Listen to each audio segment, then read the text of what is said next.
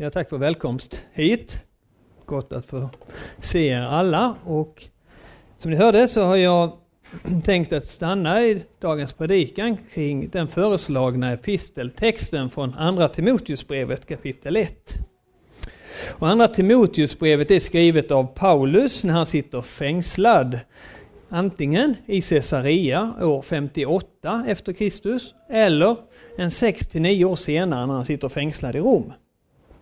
Och Paulus vet att det han nu gör, skriver detta brev, det är bland det sista han gör i detta jordeliv.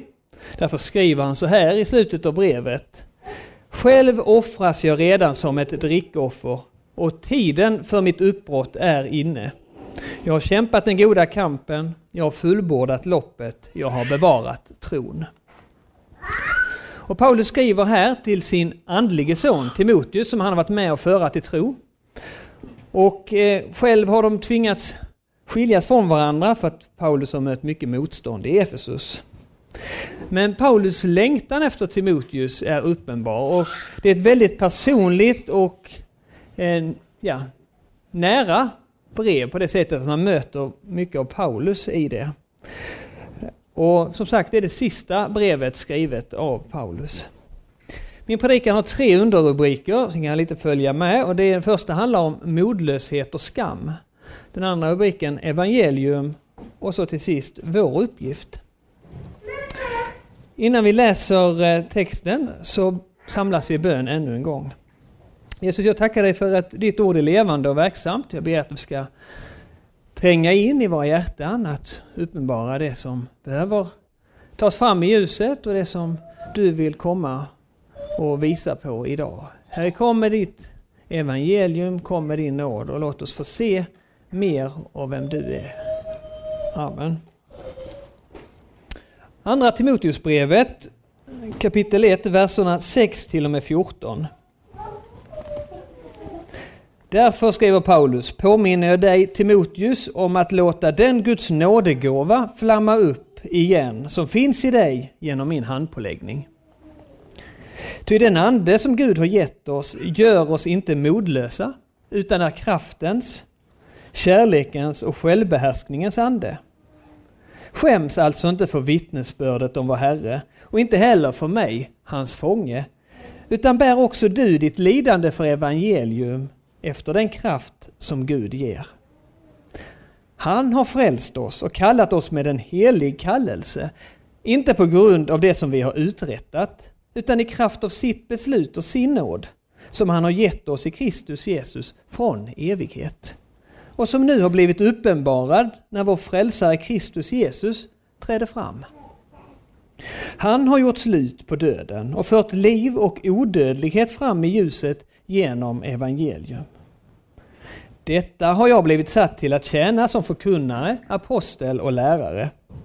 Det är också därför jag får lida allt detta, men jag skäms inte eftersom jag vet vem jag tror på och jag är övertygad om att det står i hans makt att till den dagen bevara det som har blivit anförtrott åt mig. Som mönster för en sund förkunnelse ska du ha det ord som du hört av mig i tro och kärlek i Kristus Jesus. Bevara genom den heliga Ande som bor i oss det goda som har blivit anförtrott åt dig. Det kan tänkas och lätt få bilden av att Timoteus är en mer av försiktig och timid karaktär i hans personlighetsdrag. Och Paulus verkar i brevet anse honom lite väl defensiv. Därför pekar Paulus på några olika saker för att liksom visa att du behöver inte vara så defensiv. För det första så pekar han på att den heliga ande bor i oss. Och det är inte vilken ande som helst. Paulus säger Ty den ande som Gud har gett oss gör oss inte modlösa, utan är kraftens, kärlekens och självbehärskningens ande. Kraft, kärlek och självbehärskning, är det fler än jag som behöver det? Inte minst i föräldrarollen. Ändå har vi, precis som Timoteus här säger, eller får veta, vi har fått denna ande genom tron och genom dopet.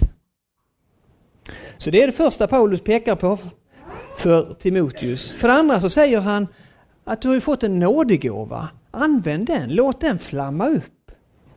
Och låt den komma i funktion. Vi vet inte vad det var för nådegåva som Timoteus hade. Men Paulus han är tydlig med att den inte ska gömmas undan, utan den ska användas. Har vi också blivit försiktigare med den nådegåvor Gud ger sin, sitt folk, sin församling och låta dem komma i funktion? Det kan ju handla om profetisk gåva, om helande eller tungotal, men också lika väl om undervisandets och tjänandets nådegåva.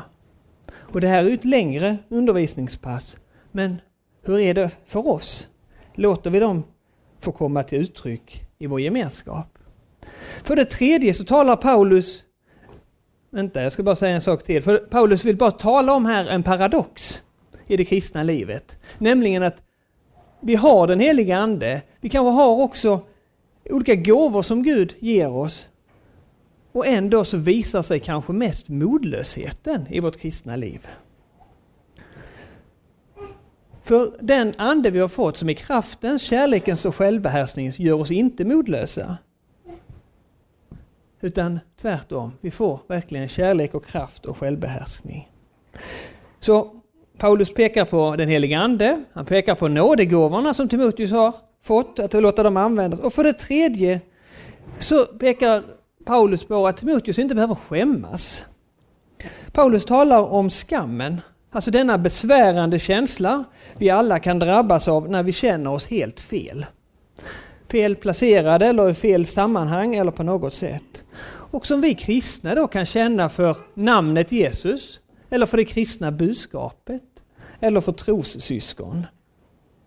Paulus säger här i vers 8, skäms alltså inte för vittnesbördet om vår Herre.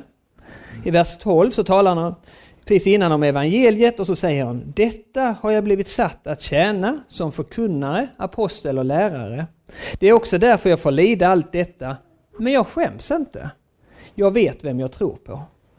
Och i vers 16 i slutet av kapitlet säger han Må Herren visa barmhärtighet mot Onesiforos familj, ty han gav mig ofta nytt mod och skämdes inte för mina bojor. Så tre gånger talar Paulus om skam eller att inte skämmas. Vid ett tillfälle så hade vi i socialtjänsten i Örgryte Härlanda där jag arbetar ett större sammankomst, ett möte i Pauligården, församlingshemmet som ligger precis bredvid. Eh, och eh, där jag och min familj vi har vårt andliga hem. Och då var jag med och arrangerade detta sammankomst och några, några kollegor från andra enheter var också med och jag var där då tidigt för att ställa i ordning. Och då var det en annan som jag inte känner sedan tidigare som började prata väldigt illa om Pauli och sa liksom hur konservativt det är och hur bakåtsträvande, de har inte kvinnliga präster och det var det ena och det andra. Och målade församlingen ganska mörka färger. Och jag stod bara tyst och lyssnade och kom inte för att säga någonting. Efteråt har jag kommit på många kloka saker som jag kunde ha sagt och ville ha sagt om hur levande församlingen är, hur många olika generationer som möts, hur många hundra som samlas till gudstjänst varje söndag och hur fantastiskt mycket arbete som gör. Det kom jag på efteråt. Då tänkte jag att då skulle jag sagt det. Men jag ångrar att jag inte sa något vid det tillfället. Så modlöshet eller att tycka den kristna tron eller trosyskon är pinsamma, det kan vara lätt att hamna i. Kanske blir vi tysta på arbetsplatsen när någon säger något ofördelaktigt om en kristen eller en församling. Eller så undviker vi att helt tala om de kristna trons yttringar, att vi har varit i missionshus, gudstjänst, vi har varit på läger, bönegrupp eller hemgrupp. Vem kan inte känna igen sig i detta? Känslan av att det är pinsamt att bara nämna namnet Jesus bland icke-kristna. Eller som bara anser att hela kristna budskapet, det är lite för mycket av det övernaturliga för att svensken ska gilla det. Lite för mycket av Gud och djävul för att den svensken ska tycka att, att det passar sig. Och så skäms vi och håller tyst. Det är mänskligt att skämmas när det gör oss annorlunda än majoritetssamhället. Och därför är detta också en frestelse för varje kristen att vi skäms över det kristna budskapet evangeliet om Jesus. Och Paulus han vet om denna frestelse. Och han talar mycket om att inte skämmas för evangeliet. Han säger ju själv i Romarbrevet, jag skäms inte för evangelium. Det är en Guds kraft som frälser var och en som tror.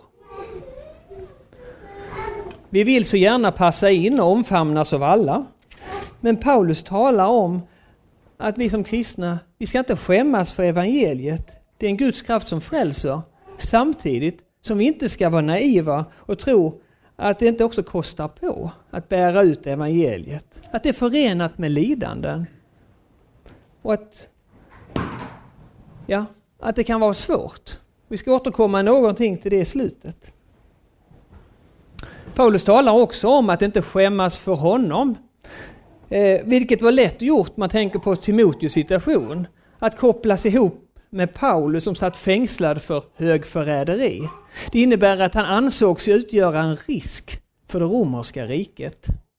Tänk att ha ett sådant trosyskon och sen säga att ja, vi hör ihop, vi har samma tro. Det är klart att för Timoteus så kanske det var kostade på. Har vi syskon i tron som vi tycker är pinsamma i deras sätt att visa på evangeliet? Hur är det där med oss? Skäms vi över dem som evangeliserar på gator och torg, om de nu finns? Vi tänker väl att det är väl ingen som lyssnar ändå. Skäms vi för trosyskon som driver ett aktivt lobbyarbete i olika eh, viktiga och kanske känsliga frågor? Jag tänker på den mycket känsliga abortfrågan. För att vi kanske inte heller störa och oroa i denna etiska fråga.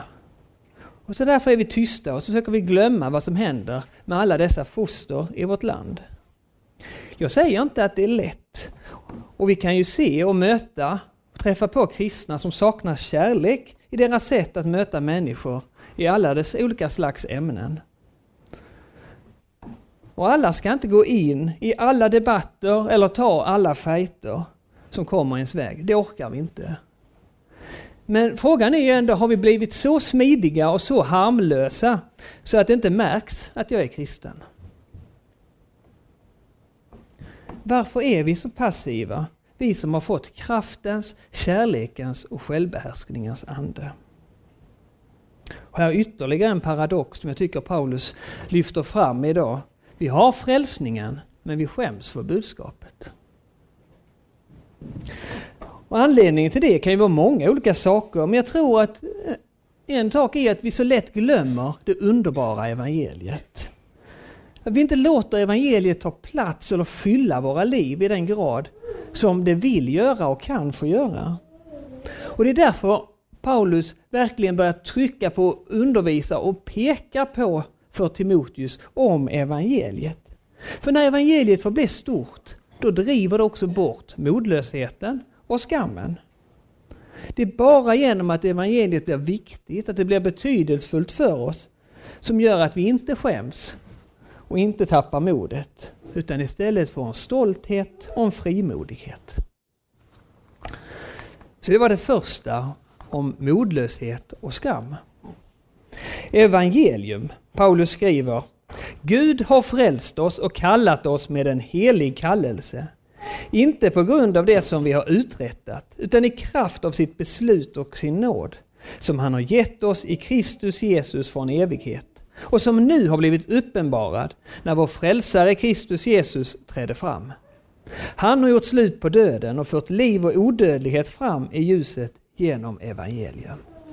Wow, tänker jag. Vilken trosbekännelse Paulus här radar upp. Alltså här är ju källan till all frimodighet över det hopp budskap vi äger. Gud har alltså handlat långt före vi fanns till. Ja, tillbaka i evighet så beslöt Gud på grund av sin nåd att kalla just dig utan dina meriter eller kortankommande i tankarna. Ja, helt tillbaka i begynnelsen så beslöt Gud av nåd att frälsa och kalla på just dig genom Jesu död och uppståndelse. Och att Gud blir människa gör ju att hela Guds frälsningsplan, säger Paulus, har blivit offentliggjord. Och i och med att Jesus har uppenbarats för alla människor så är det nu möjligt att ta, ta emot denna frälsning. Och vad är konsekvenserna av detta? Jo, att Jesus har gjort slut på döden och fört liv och odödlighet fram i ljuset. Om vi bara kunde ana någonting av vad allt Paulus komprimerat trycker ihop här, så skulle vi fyllas av en sådan glädje som ingenting annat kan ge oss. Och ska vi titta lite kort bara systematiskt på vad är det Paulus säger? Så är det tre saker jag tycker särskilt jag vill lyfta fram. För det första säger han, genom evangeliet så är du alltså nu frälst. Alltså din skuld, din synd som du har inför Gud, den är borttagen. Den är utplånad. Den är betald. Du har fått syndernas förlåtelse. Du är alltså fri. Du kan helt enkelt möta Gud. Men så säger Paulus, inte bara det att dina synder är förlåtna, att din skuld är betald, utan också för det andra säger han, Gud har gjort dig eller gör dig helig. Gud har förvandlat dig. Du är kallad med en helig kallelse långt före du var född, inte på grund av dina meriter eller dina tillkortakommande, utan, utan på grund av Guds vilja och nåd. Det innebär alltså att när Gud skapar världen, redan då tänkte han på dig och mig. Du är inte en parentes som bara lever ett kort liv här i en lång historia. Utan redan vid Guds skapelse så var du med i tankarna på, i Guds frälsningsplan. Alltså för det första, inte endast att Gud har frälst dig från din skuld, säger Paulus. Inte för det andra att Gud endast har förvandlat dig till att bli helig som Guds barn. Inte, utan också för det tredje och inte minsta, så har Gud gett dig evigt liv. Jesus har gjort slut på döden och fört liv och odödlighet fram i ljuset. Så att inte bara det att du är medräknad från början i Guds plan, frälsningsplan, utan du är också med hela vägen in i evigheten i Guds tanke. Du har fått liv, odödlighet. Han har gjort slut på döden. Du har alltså funnits med i Guds tanke genom hela historien. Om vi bara kunde ana något av detta med Guds andes hjälp så skulle vi inte kunna tiga med vad vi har hört och sett. Och till det får ju Guds ande, eller den heliga ande, påminna oss om. Så var det andra om evangelium som driver bort modlösheten och skammen.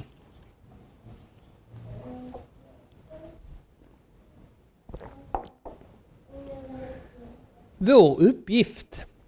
Vi har ju olika talanger, förmågor, gåvor som Gud har gett oss. Vi har olika uppgifter i vår vardag. Vi, där vi alla är satta att tjäna våra medmänniskor med de gåvor vi har. För Paulus här del så handlar det om att han var eh, lärare, förkunnare och apostel. Och förkunnare och lärare är ju en del av oss. För andra så kanske det handlar om att vara elektriker, lantbrukare eller förälder. Eller för den delen tjänsteman, politiker eller arbete inom finanssektorn. Våra uppgifter är olika. Men alla, för alla kristna så gäller det att vår uppgift är att vi är sända som vittnen ut i världen. Vi är alla Kristusbrev kan man säga. Ett brev från Jesus till världen om det glada budskapet om Guds frälsningsplan.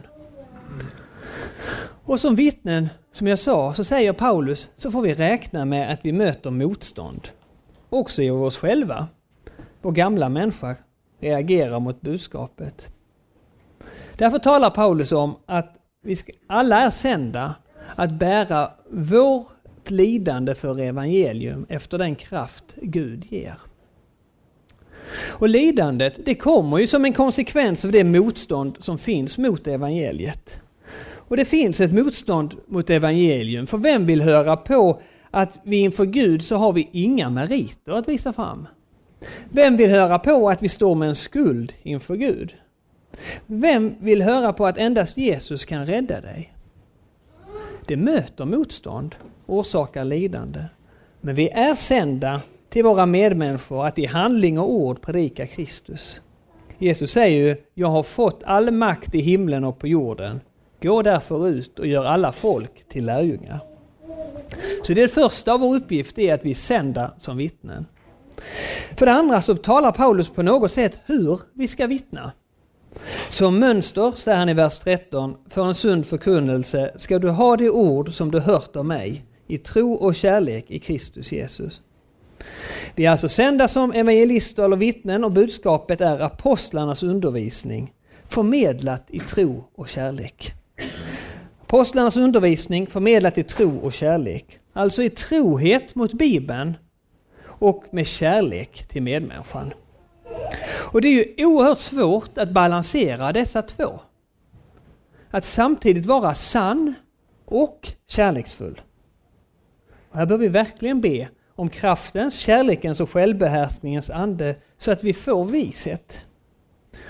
Inte minst om vi nämner den fråga som jag hade uppe innan, abortfrågan, så behöver vi be om mycket kärlek till dem vi samtalar med om det ämnet.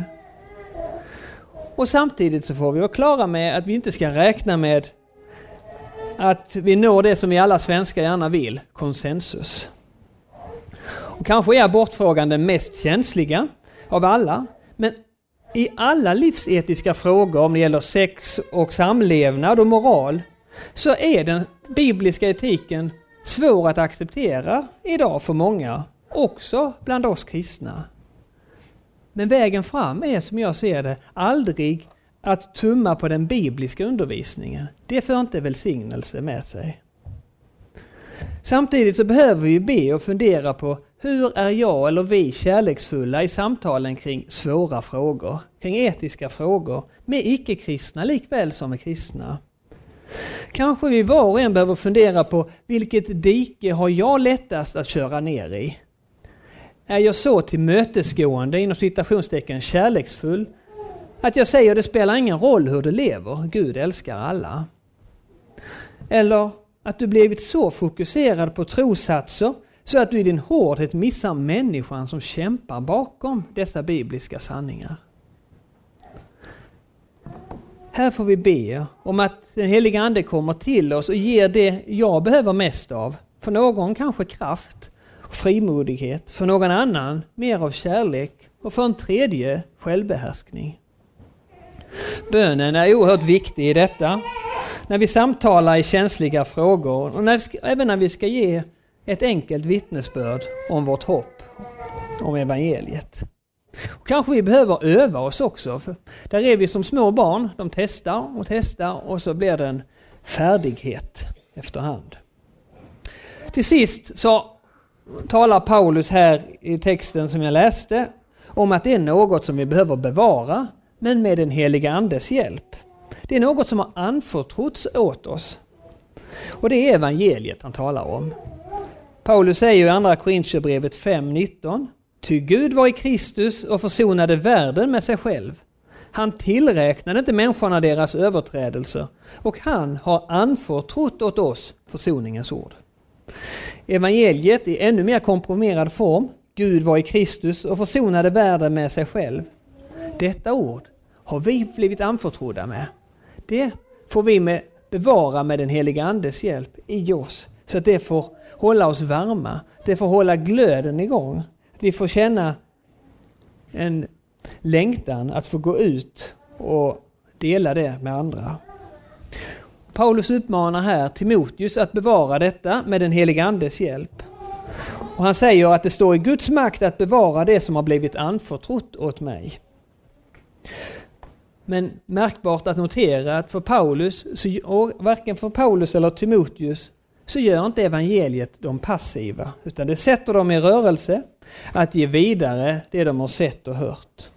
Och Det är också vad Paulus avslutar brevet när han säger Jag har kämpat den goda kampen, jag har fullbordat loppet, jag har bevarat tron.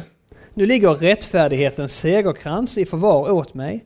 Den skall Herren, den rättfärdige domaren, ge åt mig på den dagen. Och inte bara åt mig, utan åt alla som älskar hans återkomst.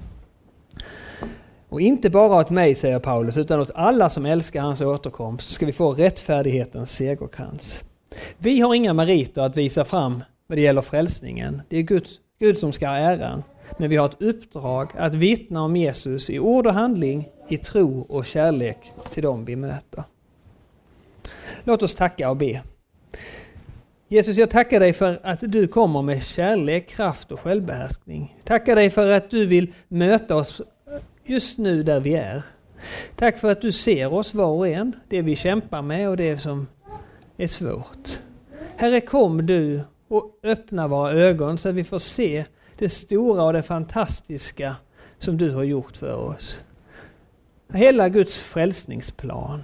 Att vi inte är en parentes, att vi har varit med i historien, i din tanke, från första början. Och i evighet får vi vara med.